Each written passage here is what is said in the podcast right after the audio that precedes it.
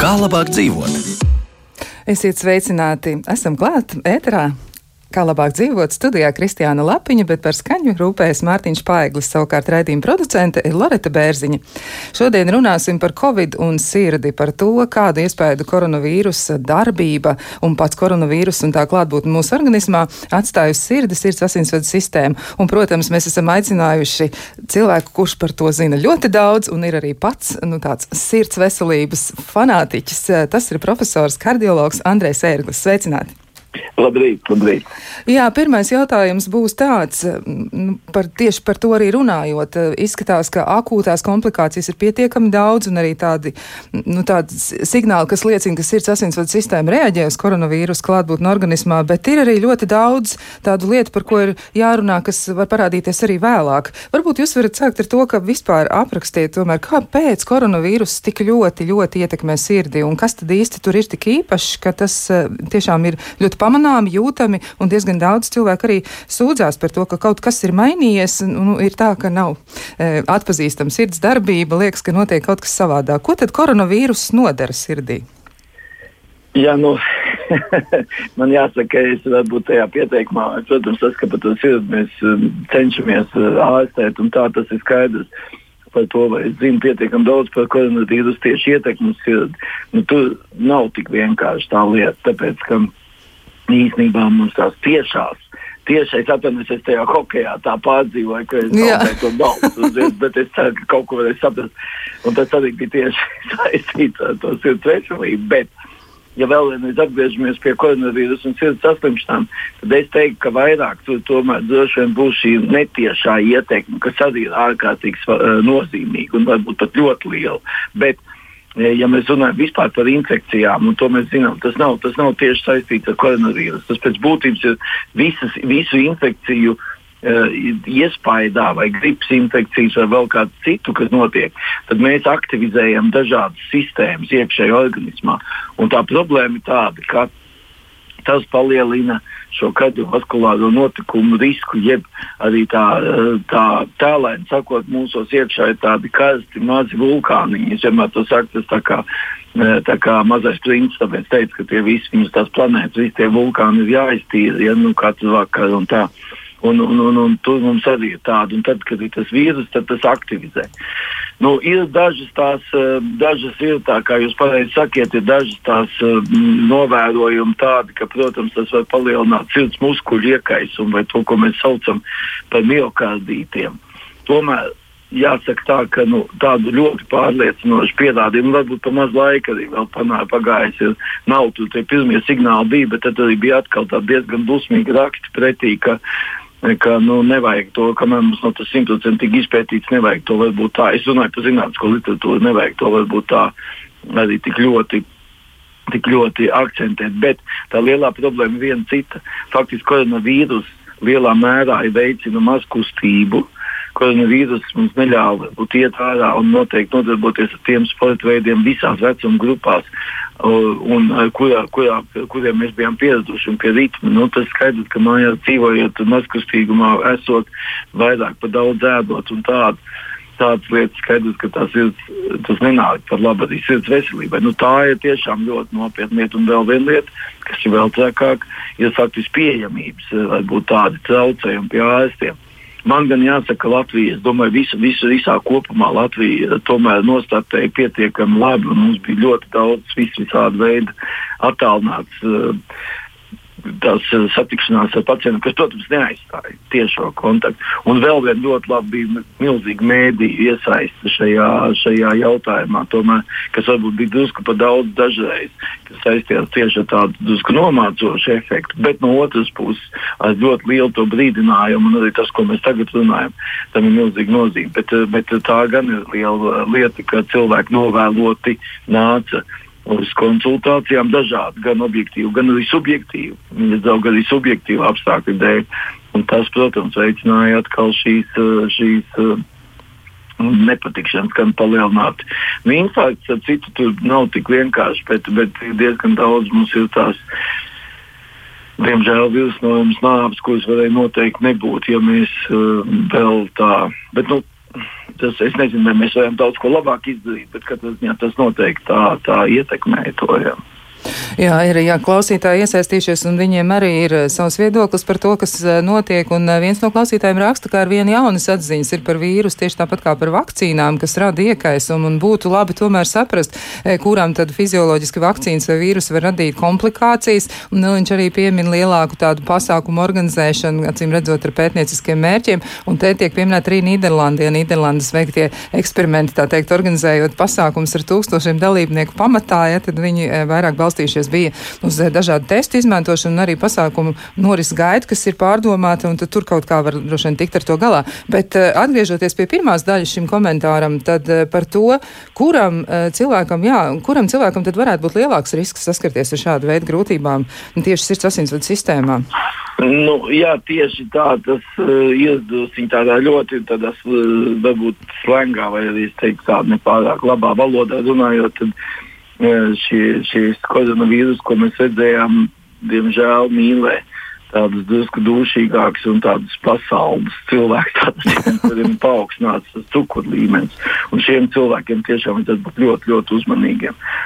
Bija faktiski, un tagad jau vadījās vienmēr, bet, bet tomēr vēlreiz atgriežoties pie vakcinācijas, tas ir, nu, tur nav vērts to diskutēt. Tas ir pierādīts tu, jau 20 gadus vismaz visās valstīs, un tas visticamāk pilnībā arī pierādīsies uz, uz šo koronavīrusu. Visās valstīs, kur notika senioru vakcinācija pēc ja, ja, ja cilvēku, nu, tagad jau vispār tas vairs nav, jo mēs esam jauni. Jau, tagad nu, pat ziņojam, ka mēs dzīvosim un varam dzīvot. Ja mēs dzīvosim ciklēt līdz 150 gadiem, tad tie mani 120 gadi, ko es teicu, uz kam smieklīgi. Bet, nu, pēc 65 gadu vecuma vakcinējot pret gripu, kas ir faktiski attīstītās valstīs, Eiropas un, un, un tagad apvienotā karalistē tas nav gluži Eiropas Savienība, bet vienalga, kur no 75 līdz 85 procentiem faktiski ārkārtīgi samazinās kardiovaskulāru mirstību. Un, un vakcinācijai tikai var būt šie pozitīvie efekti. Un, un, un, un tu visu laiku meklē, tas ir, nu, tā, tā, nu, tas ir pilnīgs absurds. Vienkārši tur nav vērts runāt. Jo, jo, jo, jo tā jau arī tieši ir vērts runāt, ka skaidrs, ka mums var būt blaknes, tur var būt temperatūra, vēl kāda lieta, bet tie iegūmi daudzreiz, daudzreiz lielāki. Nu, lūk, Un, un, un, un, un tā, tas ir tieši tas, ko es teicu arī par to, par to gripu. Jo tikko ir gripas epidēmija, vienalga, kurā valstī jūs skatītos, tikko ir gripas epidēmija, tādiem žēl arī sirds slimības pieaug. Un, un, un vakcinācija tās var tikai samazināt. Savukārt par iekaisumiem, jā, tas ir skaidrs. Un tā ir viena lieta, ko mēs jau mācām, un ko mēs zinām ar saviem bērniem, un ko, mēs, ko mums ir vecāki teikuši, un kas mums ir tagad jāturpina. Ja tad, kad ir saslimšana, tad tā saslimšana ir jāizārstē. Un tās ir gan tās, kur jūs kur ir pilnīgi taisnība, tās varētu būt tās vēlīnās komplikācijas. Tādā ziņā, ka tad, ja ir šī slimība, nu tajā mirklī gan nevajag ne sportot, ne, ne, ne uzvesties ārkārtīgi bravurīgi, un, un tur ir jāpaiet tam laikam, kamēr nu, tas, tas, tas vīrus, kas saka, izbeidzās, un, un, un, un, un, un, un, un, un, tā, un, un, un mēs kļūstam tādi labāki, un veselāki un stiprāki.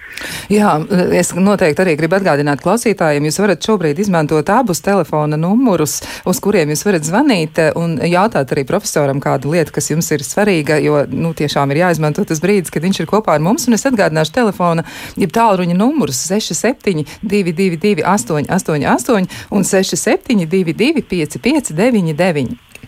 Un vēl man arī tāda piezīme e, attiecībā uz vienu pētījumu, ko ir pavisam nesen veikusi aģentūra Norstat kopā ar mēnesi aptieku, un e, viņi ir noskaidrojuši daudzas ļoti, ļoti svarīgas lietas, un izrādās, ka tikai pavisam neliela daļa, ja viens procents iedzīvotāji atzīst, ka pirmās saslimšanas pazīmes noteikti nebūtu motivācija dzīvesveidu maiņai, un te runa ir par to, ka viņi būtu pamanījuši kaut ko, piemēram, sirds asinsvadu sistēmā. Tas ir tiešām ļoti tā biedējoši, tikai viens procents. Tas ir, tas ir ļoti, nu, tiešām tā ir ļoti maza niecīga iedzīvotāja daļa.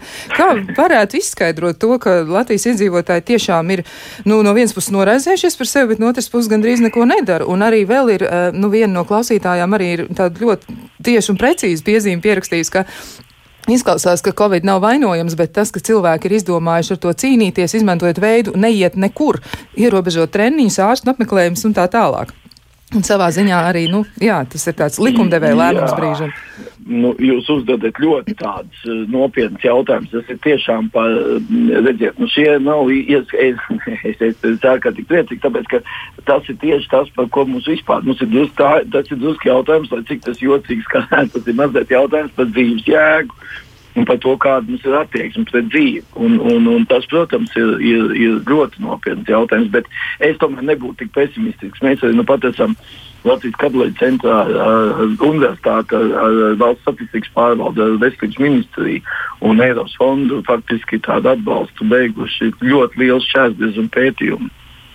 Latvijas, nu, respektīvi visas Latvijas. Un es gribu pateikties visiem Latvijas iedzīvotājiem, kuri tika aicināti un piedalījās. Un man jāsaka, tā, ka mūsu veselības stāvoklis tomēr ievērojami uzlabojas. Un dažreiz tur ļoti jāuzmanās ar tām, tiem, tiem pētījumiem vai kādiem. Varbūt tur kādreiz ir tie jautājumi vai cilvēku atbildes. Nu, tas nav tik vienkārši. Viņi, viņi, mēs varam tos noteikti izmantot, un vajag tos pētīt, un vajag izmantot. Bet arī tā interpretācija ir jāuzmanās. Un mēs redzam, ka vispār kardiovaskulārais profils tomēr Latvijā ievērojami uzlabojās. Un mums ir diezgan daudz salīdzinājumu ar Eiropas valstīm, un mums nav slikts tas. Bet, protams, ka mums ir daudz trūkumu. Ir, tas ir kā ar hokeju. Nu, mēs priecājamies, ka mēs uh, vai ne tur kaut ko vinnējām, bet nu, mēs netikām tur, kur mums jātiek. Un tas ir nu, tas, ka mēs esam labi, kā saka mans draugs. Ja, tas jau neko nenozīmē. Mums jābūt izciliem. Nu, jā, tajā ziņā, protams, mums ir vienkārši ir jābūt. Ir, Nu, tas ir viss tajā, tajā mūsu gudrībā. Kaut gan es ļoti esmu par mūsu tautas to intelektu līmeni, augstā, labās domās. Un viss jau mēs redzam, ka vienalga, kas notiktu, viss notiek uz priekšu. Um, bet, bet ir pilnīgi taisnība. Mums ir jāpakļaujas tiem ierobežojumiem, vai tos, jo tur nav tā, ka to, tās Covid arī tās lietas, ka tur viss tā no malas ir diezgan gudrs, bet, bet tajā sistēmā jau tas nav tik vienkārši. Un pieņemt lēmumus nav tik vienkārši. Skaidrs, ka varbūt mazliet konservatīvāk pieeja un varbūt arī mazāk konservatīva. Bet pilnīgi taisnība tam, ka atļautajās tajās, kas mums ir atļautās, tās, tās iespējas cilvēkiem ir maksimāli jāizmanto tas, ko viņi var darīt. Un tas ir tieši tas, ko, ko, kas saistās arī ar fiziskām aktivitātēm, kas saistās ar ārstu apmeklējumu. Pašreiz, nu, pašreizējā laikā tas gan būtu grēks sūdzēties, ka, ka nebūtu pietiekams iespējas gan nonākt pie medicīnas. Protams, jāsaprot, ka ģimenes ārstiem tagad ir vēl papildus klāt nākušas vakcinācijas un tādas lietas. Un tomēr arī slimnīcas un, un viss tur samazinās tie Covid pacienti. Mums tiešām strauji samazinās. Šodien pat bija vienkārši pārsteigts no mūsu tās rīta konferences. Par 20% atkal ir samazinājusies tie, tie Covid Covid slimnīcās. Un, un, un, un mums ir vienkārši vairāk jāatgriežas pie visām mūsu ierindas. Šīm saslimšanām cilvēkiem pašiem aktīviem jābūt. Un, un, un, un, un, un kaut kas jā. jādara. Jā, jā nu vēl ir arī tomēr piezīme par to, kā ir, kā jūtas sirds. Un izskatās, ka dažiem klausītājiem sirds nejūtas pārāk labi. Un viena no klausītājiem raksta pēc Covid pārslimošanas decembrī pēc mēneša sākās bieži sekstras iztols. Izmeklējumos neko neatrada, un tā tas turpinās līdz šim laikam. Un tad tā sirsnīgi kaut ko stāsta. Jā, jā, nu noteikti. Prot, es jau tā negribu noliekt. Ir skaidrs, ir jebkura nu, tā, tā dabīga, ka mums ir, ir tieši precīzi sakiet, tas sirsnīgi mums ir jāžēlo. Un, un, un tā, un tad ir jāstiprina to. Tā, tā viena lieta, kur vēl ļoti jāuzmanās, ir mīļie klausītāji un mīļie pacienti. Tas, ka jums kādreiz jūs netiekat pārsti, tas neatceļ nevienā brīdī medikamentu lietošanu, kas jau ir parakstīti. Tur gan es domāju, ka mēs esam grēkojuši vismaz to, ko mēs redzam arī tajās um, pārbaudēs, ka faktiski nu, tādās iekšējās, uh, piemēram, samazinājies ir, ir medikamentu skaits, medikamentu patēriņš. Nu, to es tomēr piekrītu, ka tas varētu būt šīs loģistikas dēļ, un, un, un varbūt arī, ka mums ir jāpalīdz saviem tuviniekiem dabūt un, un, un jāiesaistās vairāk. Ja. Un uh, par tām pārbaudēm, kur neko neatrod, nu, jā, nu, tās ir lietas, skaidrs, kāpēc. Uh, pēc jebkuras infekcijas saslimšanas, tad, kad mēs jūtamies, nu, nevis jūtamies, bet kas ir objektīvi, ir, nu, tā, ir, tā ir saindēšanās. Nu, to ir jāsaprot. Tā ir vienkārši reāla saindēšanās. Tad, kad tie vīrusi iet bojā, rodas toksīni, un mēs vienkārši saindējās organismus. Nerunājot par to, ja tur pievienojas pneimonijas vai kāda cita lieta. Un, un, un tad skaidrs, ka mēs esam visas organismu kopējais stāvoklis kļūst vājāks, un, un, un, un, un protams, tas re, tieši un, atsaucās uz sirdsdarbību, ieskaitot uz pātrinātu sirdi tad, kad mums ir temperatūra un, un, un, un sirdsdarbība un, un, un, un temperatūra un, un vājums. Un tā, nu, tur ir jādara viss, kas ir iespējams pēc šīs sirds ārstēšanas. Uh, tomēr es ļoti ieteiktu izrunāties ar savu ģimenes ārstu sākumā. Un, ja šīs, piemēram, ekstrasistols vai aritmijas turpinās, tad uh, ar kardioloģiju mums ir vesela rinda medikamenti, kas varētu gan šīs ekstrasistols nomākt. Un, un, un, ja tur nav citu objektīvu rādītāju, tad tas ir kas liecinātu par kaut kādu smagāku saslimšanu, tad tas īstenībā ir ļoti labi. Tad vienkārši jāpiemeklē medikamenti. Jā, vēl man jautājums arī par to, kā pamanīt vēl arī citas lietas, jo ekstrasistolu cilvēks palaist garām nevar. Tas ir skaidrs, to viņš sajūt. Un arī kaut kādas tādas dīvainas citas lietas, kas nav justas iepriekš, ja tad arī cilvēks varētu sākt domāt, ka tas ir kaut, pas, kaut kas par sirdi. Bet noteikti ir vērts arī parunāt par tiem cita, ne, cita veida riska faktoriem, bet to es paturēšu prātā šo jautājumu. Es vēl neuzdošu, jo skatos, ka ir kāds klausītājs zvans. Turpināsim ar to jautājumu pēc īsa mirklīša. Lūdzu, mēs klausāmies! Labrīt! Labrīt.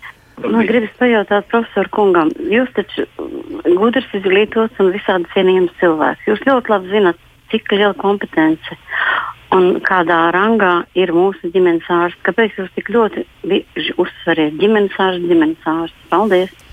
Paldies! Jā, nu, tur es saklausu tādu mm, kaut ko, kaut ko ar, ar, ar ko ir acīm redzot bijusi tāda nelāga pieredze. Ja, varbūt tas ir, ir, ir šīs ļoti tādas, varbūt skarbās frāzes pamatā.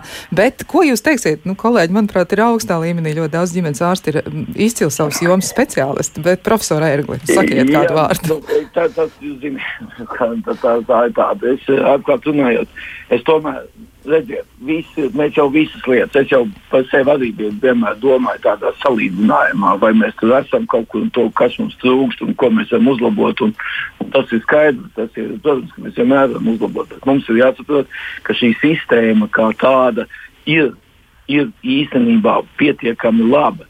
Tas, ka gadās kāds arī varbūt nepārāk kompetents, vai varbūt es teiktu drīzāk mazliet no laika atpalicis ģimenes ārsts. Tas jau nenozīmē, ka visi, visi pārējie slikt. Un tiešām ir ļoti daudz, kur darbu es varu nu, vienkārši vairāk apbrīnot. Tāds, ja, bet, bet tas, ka mums to, tā, tur ir viena cita lieta vēl. Es jums, tā, tā jau ir arī viena cita taisnība. Ir taisnība, ka ne jau tikai ārsti nesatiekās ar, ar ģimenes ārstu. Eh, es atceros, ka, ka pacienti nesatiekās ar saviem ārstiem. Īstenībā arī speciālisti daudz mazāk pašreiz, gan līdz jau divus gadus vai pusotru gadu nesatiekās viens ar otru. Mēs nesatiekamies kā kardiologa ģimenes ārstiem. Tad kardiologiem mēs, ja arī man kā biedrības vadītājiem, arī ir jāuzņemās tā vaina. Un, un tas nav tikai mēs ar vien vairāk redzam, ka mēs ar mūsu farmaceitiem mums ir jārunā. Mums vienkārši daudz vairāk jārunā un arī zināmā mērā ir tomēr ļoti daudz specifiskas lietas. Mums ir jāpalīdz ģimenes ārstiem un arī jāceļ tā arī kopīgi. Jo tā ir sistēma. Medicīna kā tāda valstī tas nav tā, ka viena grupa ir laba vai slikta. Tā ir visa sistēma. Mēs nevaram tas tā kā agrākos laikos, ko es vienkārši nepanācu. Mēs sakām, tagad mēs pievērsīsimies prevencijai. Tagad Jā. mēs pievērsīsimies, es esmu prevencijas tas, tas uh, apoloģēts. Tad otrs saka, es labāk pievērsīšos māsām, medicīnas māsām. Trešais saka, mēs būsim profesori, tur, vai ne tie, tie atbalstītāji. Ceturtais saka, mēs būsim ģimenes ārsti. Tā nevar, un, un, un arī tā jau nav vairs. Bet, bet īstenībā tā ir, vesa, tā ir visa sistēmas šī uzlabošana. Un mēs nevaram tagad, es saprotu, ko jūs sakat, jo tur katrs tikpat labi es būtu izdarījis kaut ko sliktu, un, un kādam viņi saka, nu jā, nu tā viss kardiologs slikti. Nu, nav viss slikti. Nu, nav. Un tieši tas pats attiecās uz ģimenes ārstiem. Es tomēr negribētu tā, nu, man nepatīk tā. tā. Es saprotu, ka katram ir vilšanās bijusi, bet kopumā es tomēr ļoti augstu vērtēju mūsu medicīnu. Jā, jā, ir vēl kāds zvans. Sveicināt, mēs klausāmies! Hello. Jā, mēs, es jūs dzirdu, un jūs Labrīt. Mūsu... Labrīt. Es gribēju pajautāt, kā tas ir, ja rudenī ir potēta gripa, nu, vakcīna pret gripu, Un tagad Jā. jūnijā man ir kārtējā ērčpote. Nu, kad tad es lūdzu varētu to covid? Man nav drusku pa daudz viss, jau varbūt, ka nemaz nevajag patreiz to covid.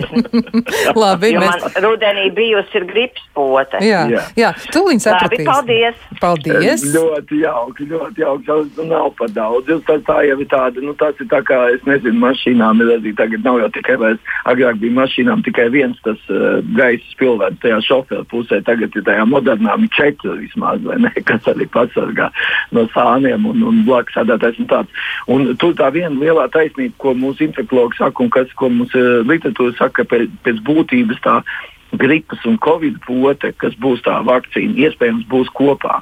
Un, un tad tas, protams, būs vieglāk. Un, un, bet, bet īstenībā noteikti nav par daudz, jo tā ir katra cita infekcija vai iespējamā. Tas nav par daudz, nu, es saprotu, tas ir varbūt drusku neērtības. Tas ir līdzīgi kā mēs pašreiz medikamentus arī piemeklējam. Un tagad jau ir tā, ka, nu, piemēram, tā, ka es sāku savu karjeru, tad mums visā bija daudz mazāk tie medikamenti. Tad mums bija tāda, ka mums vajadzēja 7 vai 8 vai 9 lietot. Un tagad ir tomēr tā, ka, ka ie, iemācījusies farmācija un iemācījusies rūpniecību salikt un sasintēzēt viņus kopā, varbūt tos uh, trīs aģentus vienā tabletītē, un tad tas samazinās.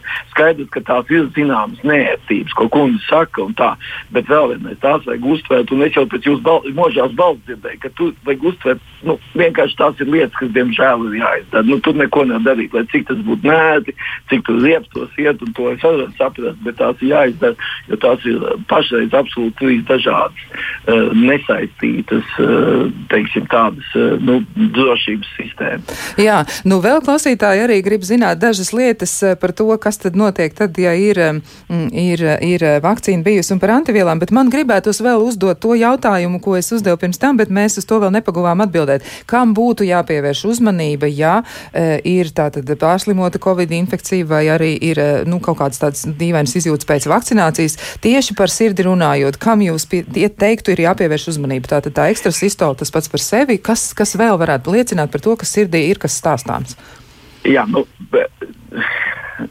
Tur, ir tāda drusciņā, ka skaidrs, ka mēs runājam ļoti vispārīgi. Katram cilvēkam tā vispārīgi ir, ir mazliet grūti. Tāpēc es jau arī saprotu, ko kundze bija domājis par, to, par ģimenes ārstiem. Ir ļoti svarīgi, lai ārsts izrunātos ar katru to cilvēku, kam ir konkrēta sūdzība. Par ekstrasistoliem runājot, es tikai varu nomierināt, ka tās ekstrasistoles, kuras mēs jūtam, ir mazāk bīstamas par tām, kuras mēs nejūtam.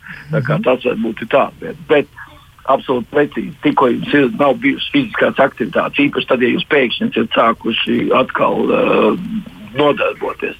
Ja jums ir bijis šis faktiski tas, kas it kā liekas mājās sēdošais, bet kas ir daudz lielāks stresa periods, kur ir bērni, mazbērni, kur tās ar tām skolām viss kaut kas tāds. Protams, ka šis viss arī tas mentālais fons reāli ietekmē mūsu sirdi. Vienalga, vai tas ir neiro, neiroloģiski no, no mūsu veģetatīvās sistēmas, un, un vai tas ir, ko mēs saucam neirohumorāli, kas ir bioķīmiskā sistēma. Viņas abas tiek traumētas.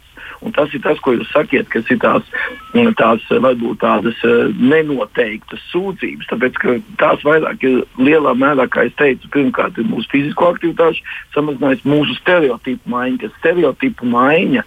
Tas ir tas, kāpēc bija tik drausmīgs nelaimes. Tā kā pārgāja no vienas formācijas uz otru visā pasaulē, vienalga, kur jūs iet, jebkurā tajā valstī, kur ir bijušas kaut kādas tās izmaiņas, tajā mirklī ir pietiekami liels tās katastrofas, un, diemžēl, nāves cēloņi ievērojami palielinās. Un, un, un, un mums ir jādara viss, kāpēc ir jābūt tādai tā, dzīves normalizācijai. Tas ir vienīgais iemesls, kādēļ es arī aizgāju. Es tik ļoti neesmu, neizpildījis, es ļoti liels hokeja fans, bet es vienkārši kaut vai tikai tādēļ, ka mums ir jāsāk atpakaļ dzīvot. Protams, nenoliedzot to, ka ir noteikta kārtība, kā Jo tas vienkārši padara, tikko mēs ievērojam to kārtību, un Latvija to ievēro, tā mēs īstenībā mēs lēnāk braucot, ātrāk tiekam uz priekšu šī gadījumā. Jo mēs visu laiku faktiski tomēr ir jāvēr, jāvēr, un tur ir jābūt arī sabiedrības spiedienam. Tā mums ir to, ko mēs varam izdarīt. Protams, mums jāizdara, lai mēs dzīvotu normāli. Jo vēl vienreiz, mūsu izjūtas bieži vien, varbūt ir, kā jau es teicu, ka mums varbūt subjektīvi liekas tīri garstāvokļa dēļ. Tas ir pilnīgi normāli ka mums ir sliktāk nekā mums patiesībā ir. Bet tu to nevari tikai tik vienkārši apgalvot. Skaidrs, ka mums ir jābūt šai objektīvai novērtējumam. Tas ir paldies Dievam, ka, piemēram, kundze, kas zvanīja, ka viņa bija bijusi pie tā viņa bija apskatījusies, vai tur ir vai nav kāda lieta. Un tad tas, protams, ir daudz vienkāršāk. Tas nu, to, ne, nevar arī tajā otrā krāvī braukt. Un tie riska faktori ir absolūti. Mums ir visu laiku jāstāsta, vai, ir, vai, vai mēs lietojam, ja tiem, kam ir nepieciešams pietiekami daudz medikamentu, vai mūsu holsteina līmenis būtu pietiekami zems, zemblī un holsteins, ja tas sliktais holsteins. Mums ir obligāti jāstāsta, vai mēs neesam kādus kilogramus uzēdus klāt, ko es piemēram pilnīgi skaidri redzu pēc sevis. Un es netieku no tā vaļā, diemžēl, un tas ir šausmīgi grūti un, un, un, un riebīgi.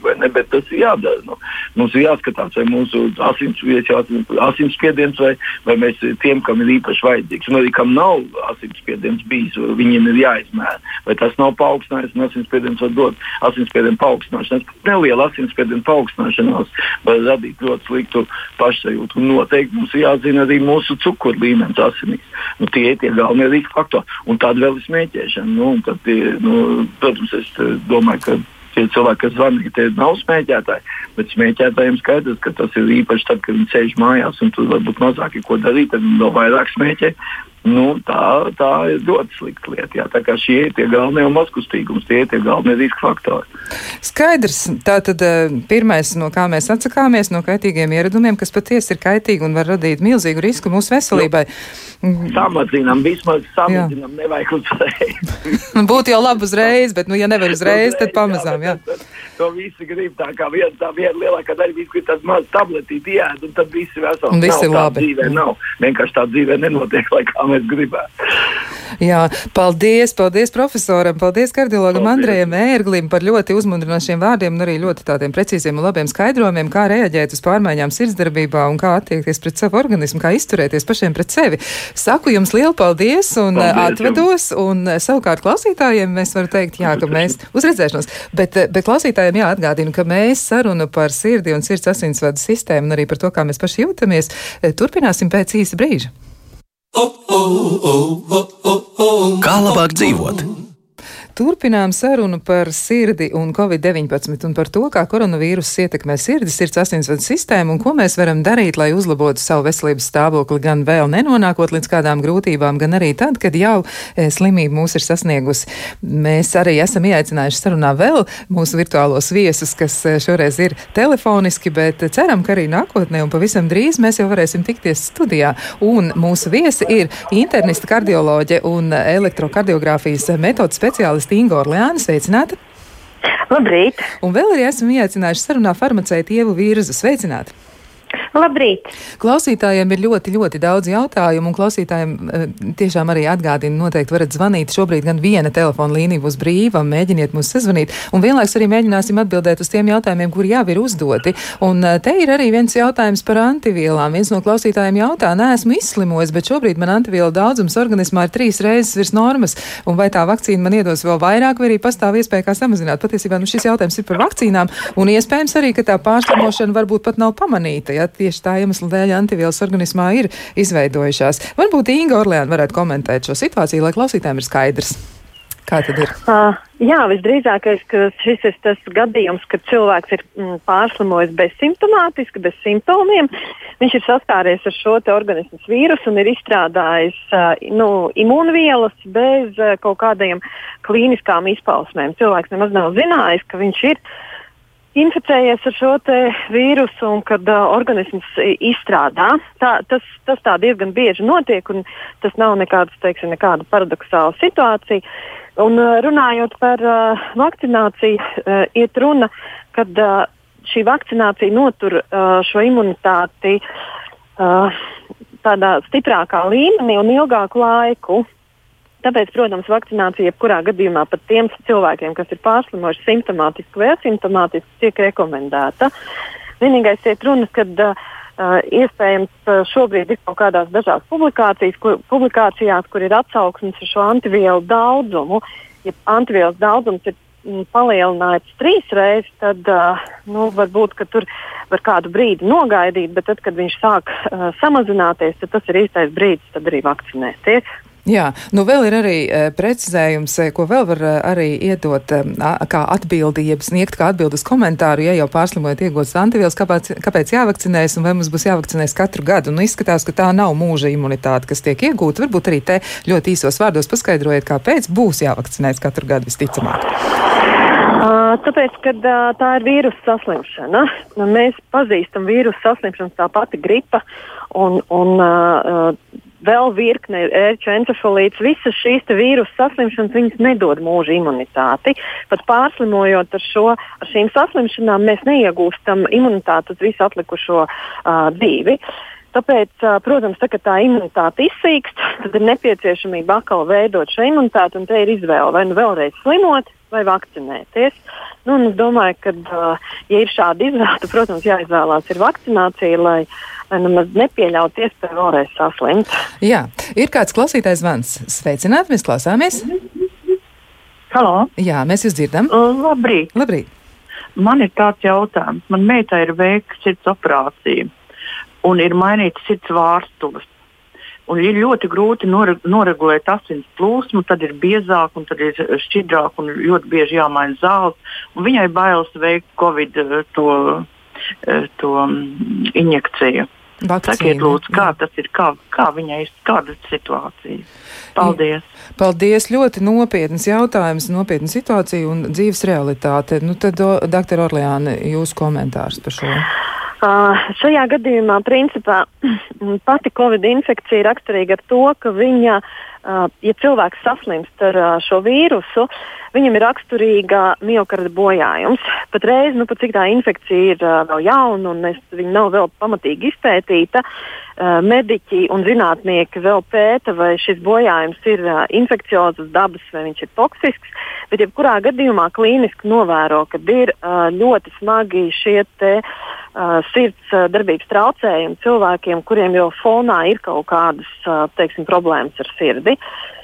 Un uh, šeit, uh, šajā jautājumā, ja te, te uz tiem svariem ir uzlikts uh, pavisam vienkārši uz vienas puses, ir tas, ka uh, ir šobrīd kardiālas problēmas un ir risks uz to, ka varbūt pasliktināsies tā kardioloģiskā simptomātika. Un, nu, uz otriem svaru kausiem ir uzlikts tas, ka pacients saslimst ar covid uh, infekciju, un tad viņam tiek bojāts arī miokards, kas iespējams teiksim, tas bojājums var būt arī neatgriezenisks pēc tam. Tāpēc šobrīd ir tā taktika, ka šiem pacientiem noteikti ir jāvakcinējās, bet pirms vakcinējās ir jānokonsultējās ar savu kardiologu, vai teiksim, visas analīzes patreiz ir. Tur ir domāts tie koaguloloģijas un reoloģijas faktori, vai viņa atbilst normas parametriem. Un vai ir teiksim, īstais brīdis šo vakcīnu veikt? Bet, protams, rekomendē šādiem pacientiem noteikti rekomendē vakcinēties. Jā, man liekas, ka tās ir tās situācijas, kur kaut gan mēs nu, varam tā ļoti noscīt runāt par sociālo solidaritāti, bet tomēr tas būtu īstais brīdis atcerēties, ka tas, ka mēs vakcinējamies tie, kuri to var darīt droši, mēs savā ziņā ļoti, ļoti atbalstām un palīdzam to, tiem cilvēkiem, kuriem ir jāraizēs par to, vai tas ir izdarāms un viņi atrodas tiešām riska grupā. Varbūt tas ir, nu, tā varētu būt tāda doma, jā, tieši iesaistīties arī, lai citiem cilvēkiem ir vieglāk.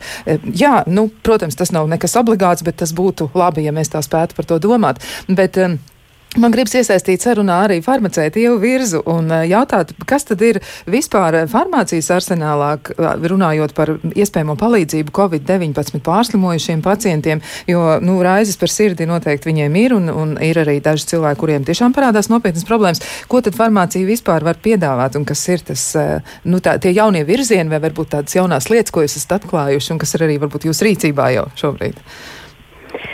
Jā, nu, manuprāt, pašā pamatā farmācija un, un farmaceiti un aptieka kā, kā pirmās pieejamības veselības aprūpas iestāde noteikti vissvarīgākais ir m, tas, ko aptieka var sniegt, un farmaceiti pirmām kārtām tā ir profilakse.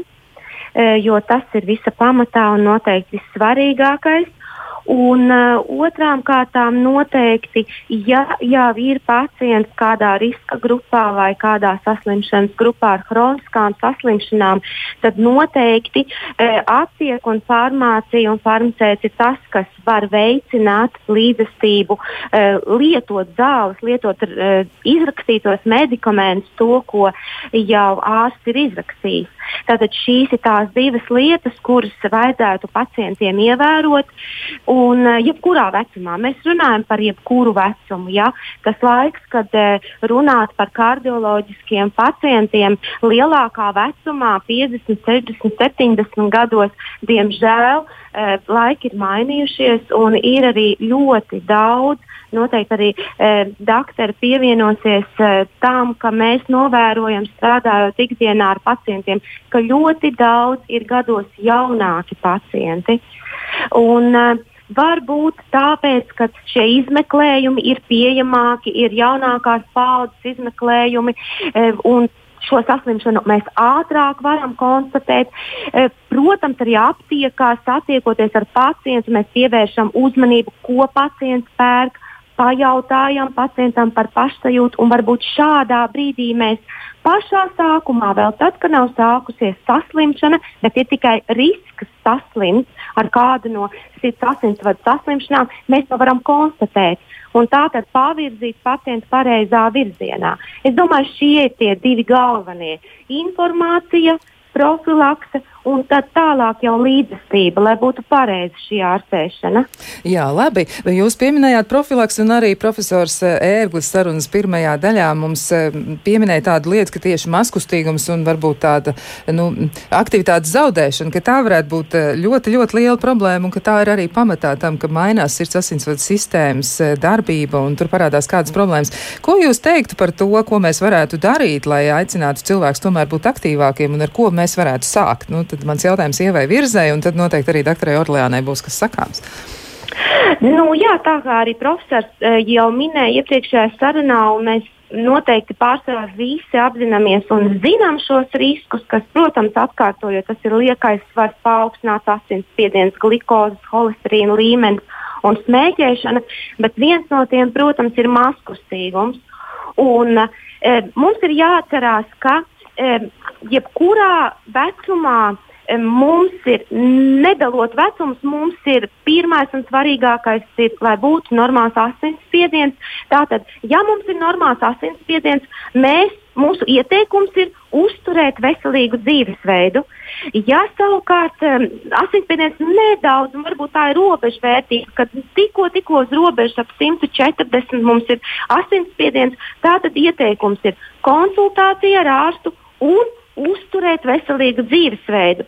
Un, teiksim, tālāk, ja ejot nākošā pakāpē, kad mums jau ir stabili paaugstināts asinsspiediens, atkal šis ieteikums ir lietojam izrakstītos medikamentus, bet uzturam veselīgu dzīvesveidu. Un veselīgs dzīvesveids, protams, tas ir gan kā mēs kustamies, gan to, ko mēs ēdam, gan arī, e, protams, nenoliedzami e, tas, kas ir jau arī vadlīnijās ierakstīts veselības stiprinošie uzturu bagātinātāji un medikamenti. Arī šis klāsts viss ir, protams, pieejams aptiekā. Jā, bet um, ko teiks uh, doktore Inga Orleāne par to, kā tad uh, mums tomēr palīdzēt pašiem sev un kā mainīt to maskustīguma iespaidu? Uh, nu, ja runā vispār par kardioloģisko profilaksu kā tādu, tad uh, šeit, protams, ir divi aspekti. Man kā ārstam gribētos teikt, ka uh, veselīgs dzīvesveids ir ļoti svarīgi, bet ne, ne mazāk svarīgi un pat, pat varbūt vēl vairāk svarīgi ir laicīgi uh, veikt uh, diagnostiskos izmeklējumus. Un uh, pat tādā gadījumā, ja cilvēkam liekas, ka viņam viss ir kārtībā, ir profilaktiski izmeklējumi, kur ir jāveic, lai konstatētu, vai sāk rasties kaut kādas novirzes. Nevis jāgaida, kad jau ir uh, kaut kāda simptoma no saslimšanas puses, bet jau priekšlaicīgi redzēt, kad var uh, attīstīties, piemēram, tie paši ritmu traucējumi, vai ir samazināts fizisko slodzi. Uh, fiz, nu, tas ir fiziskās slodzes tolerants, ja izturība cilvēkam sāk samazināties. Uh, lai, lai varētu uh, šo procesu mēģināt aizkavēt. Bet, uh, protams, kad uh, tiklīdz uh, rodās kaut kāda zināma problēma, uh, tad uh, ir jāstrādā tajā virzienā, lai šo problēmu atrisinātu. Un šeit jau var būt, varbūt kādam te ir, uh, ir holesterīna paaugstināta, un tad tur ir ļoti liels akcents uz diētu. Ja kādam ir liels uh, liekais svars un, un uh, augsts asinsspiediens, tad varbūt tur vairāk akcents ir uz šīm fiziskajām aktivitātēm. Uh, Bet, ja jūs man prasat, vai tas ir viegli izdarāms, tas nav viegli izdarāms. Un uh, praksē, tad, kad um, es no, nu, strādājot ar pacientiem, es jau esmu novērojis, ka uh, apņēmība tajā brīdī, kad tu uzzini, ka tev ir kaut kādas problēmas, kas nākotnē var attīstīties, ir ļoti, ļoti liela. Bet uh, tad, kad tas aiziet līdz uh, tam, ka tas ir jāmaina, jo citreiz, piemēram, tas ir saistīts ar mazkustīgu dzīvesveidu, ir saistīts ar profesiju. Cilvēks, kas strādā ar datoru, viņam ir teiksim, zināma izglītība, viņam ir, ir, ir karjera, un, un viņam ir jāpārstrukturizē visa savu diena un viss savs teiksim, režīms. Nu, tas var radīt ļoti liels problēmas, jo tas var radīt arī to, ka cilvēkam ir jāpamet šis darbs, tai ir jāpieņem ļoti smagi lēmumi, un praksē tas nav tik viegli. Un arī diētu ievērot. Uh, Liekas, ka mums tas ir ļoti, ļoti pieņemami, bet tad, kad es sāku runāt par diētu, tad viens man ir pretjautājums, cik ilgi man būs tā diēta jāievēro. Un tad, kad saskarās ar jautājumu, ka tas nevis uz mēnesi, gadu vai desmit, bet uz visu atlikušo dzīvi, tad atkal ir problēma. Jo man tas ļoti garšo, man tas ļoti gribās. Un, un, un ir kaut kāds pirmais mirklis, ka jā, es apņemos, un pēc tam pēc kaut kāda laika cilvēks tomēr ne, viņš atgriežas atpakaļ tajās vecajās ierastajās sliedēs un, un, un teiksim, tā apņemšanās ir izzudusi. Jā, motivēt sevi ir grūti. Jā. Tas, tas tā ir. Un, teiksim, mums bija aptauja BCA poliklīniku ietveros, un tur mēs teiksim, ieguvām tos rezultātus, ka vairāk motivēti ir jauni cilvēki. Gados vecāki cilvēki, viņiem arī tās motivācijas nav. Pat ja viņi uzzina, ka viņiem ir problēmas un kas viņiem, teiksim, prognozē var, var uh, būt, arī tas nestrādā kā motivācija, jo viņi jau ir tik lieliem pieredumiem, no kuriem viņi vairs nemaz pat negrib atteikties. Tā kā, uh, nu, tas ir tāds, nu, tāds nav viennozīmīgs jautājums. Jā, arī iepriekš minētajā pētījumā, ko, ko veica nu, teikt, iesaistītās puses, ja, kas nodarbojas gan ar farmācijas preparātiem, ja, ja radītajiem preparātiem un arī citām lietām, tur arī ir, ir minēts, jā, ka maskustīgs dzīvesveids kā nopietnas risks šķiet tikai 26% cilvēku. Liekais svars 20%, augsts asinsspiediens 15% un paaugstināts stress 10% iedzīvotāji. Nu, liekas, ka tomēr tāda attieksme mums ir, nu, negribētos teikt, ka nenopietna, bet tāda nenovērtējoša. Varbūt par tiem riskiem mums būtu tomēr vērts apdomāties vairāk. Mums ir kāds klausītājs zvans. Sveicināti, mēs klausāmies! Kaut kas īsti nav labi. Mēs jūs dzirdam, bet kaut kur jums, jā, jums blakus ir. Ir jautājumi, var, ja? Jā, bet, bet skan kaut kas ļoti.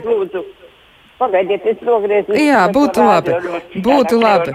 Jā, jā, tagad ir labāk. Paldies. Es gribēju paprasīt, man ir 92 gadi. Jā. Un es gribētu uzzināt, es esmu slimojusi ar to slimību, ko mūsu mūsu prezidents kādreiz slimoja. Man ir, man ir laikam jau sirds mazspēja, un, un, un tagad man uzlikus sāk atkal sāpēt kāja. Un, un vai man vajag vakcinēties vai ne? Uzprasiet, lūdzu. Labi, es pajautāšu. Paldies Jā, pajautājiet, kā tas ir īsti. Jo, jo es nevaru saprast, man vieni doktori saka, ka vajag vakcinēties, Otrs saka, tā, ka vispār nevajag vairāk, ka vajag gaidīt, kamēr nomirs. Bet, nu, tā, ziniet, tā, tas ir briesmīgi. Un es dzeru tādas zāles, ko es nevaru dzert sāpju nomierinošās zāles. Labi, es uzdošu šo jautājumu. Paldies. Jā, nu tāds nu, ļoti, es teiktu, tāds skarbs kopsavilkums, ja, ka nu, noteikti nevajadzētu tā, tā ļoti melnās krāsās un izlemt to, kas tur tas viens ieteikums, ja, par to, ka, nu, tad mm, dzīvēi būtu gals jāgaida. Laikam noteikti nē, 92 gadi, tur vēl varētu ļoti daudz un dikti kaut ko dzīvē darīt un vēl gadiem uz priekšu. Bet, eh, doktor Orleāna, ko jūs teiktu, ko jūs atbildētu klausītāji? 92 gadi ļoti cienījams vecums un ļoti optimistiski izklausās, ka kundze ir un, un vienlaiks tomēr ir kādas problēmas. Ko jūs teiktu?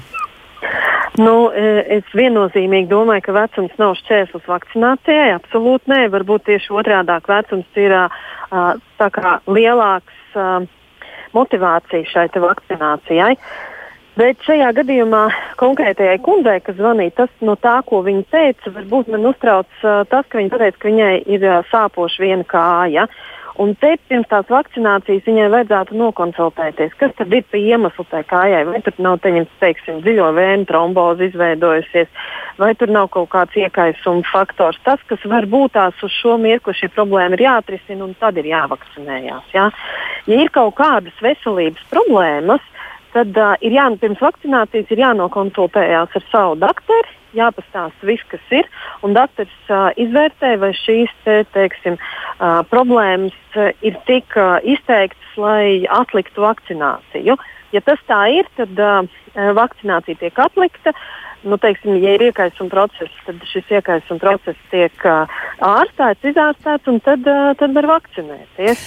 Jā, es gan gribētu klausītājiem atgādināt, ka jums būs iespēja visas lietas uzzināt par vakcināciju un vakcīnu tieši 15. jūnijā. Tas būs pēc kāda laiciņa, un varbūt tad arī koncentrējieties uz jautājumu uzdošanu, jo šoreiz tomēr mums vairāk bija doma runāt par sirdi un to, kas notiek tieši ar sirds asinsvadu sistēmu.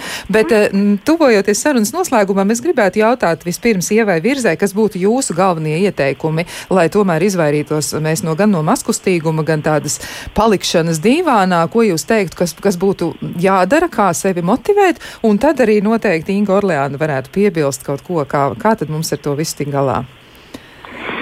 Nu, jā, atsaucoties, protams, arī uz iepriekš minēto pētījumu, ko veicā mēnesis attiekās, mēs, protams, ļoti lielu vērību tieši pievērstām šīm atbildēm, kur pacienti sniedza par savu maskustīgumu un varbūt atrunājoties uh, par to, ka šobrīd nav iespēja, tā tad nav iespējas uh, iet uh, trenēties, nav iespējas kustēties, bet uh, tas ka mēs katrs varam to darīt svaigā gaisā un varbūt mazliet vairāk pielikt pūļu, bet rezultāti noteikti būtu ļoti labi, ja mēs ietu kaut vai trīs reizes nedēļā ārā, e, pakustēties, staigāt, nūjot. Tas noteikti maskustīgums nav saistīts ar to, ka šobrīd varbūt sporta zāles ir slēgtas. Tātad mazliet pamudināt uh, savus pacientus pašiem vairāk ar to nodarboties ikdienā. Tas būtu pirmais ieteikums. Un noteikti, uh, ko mēs vēlētos kā farmaceiti, ja ir kāds jautājums un varbūt nesaprasta informācija un nevar iegūt šo medicīnisko informāciju no drošiem avotiem, tad noteikti var vērsties jebkurā dienas laikā pie farmaceitiem. Mēs esam tie, kas labprāt konsultēsim un izstāstīsim jebkuru neskaidro jautājumu.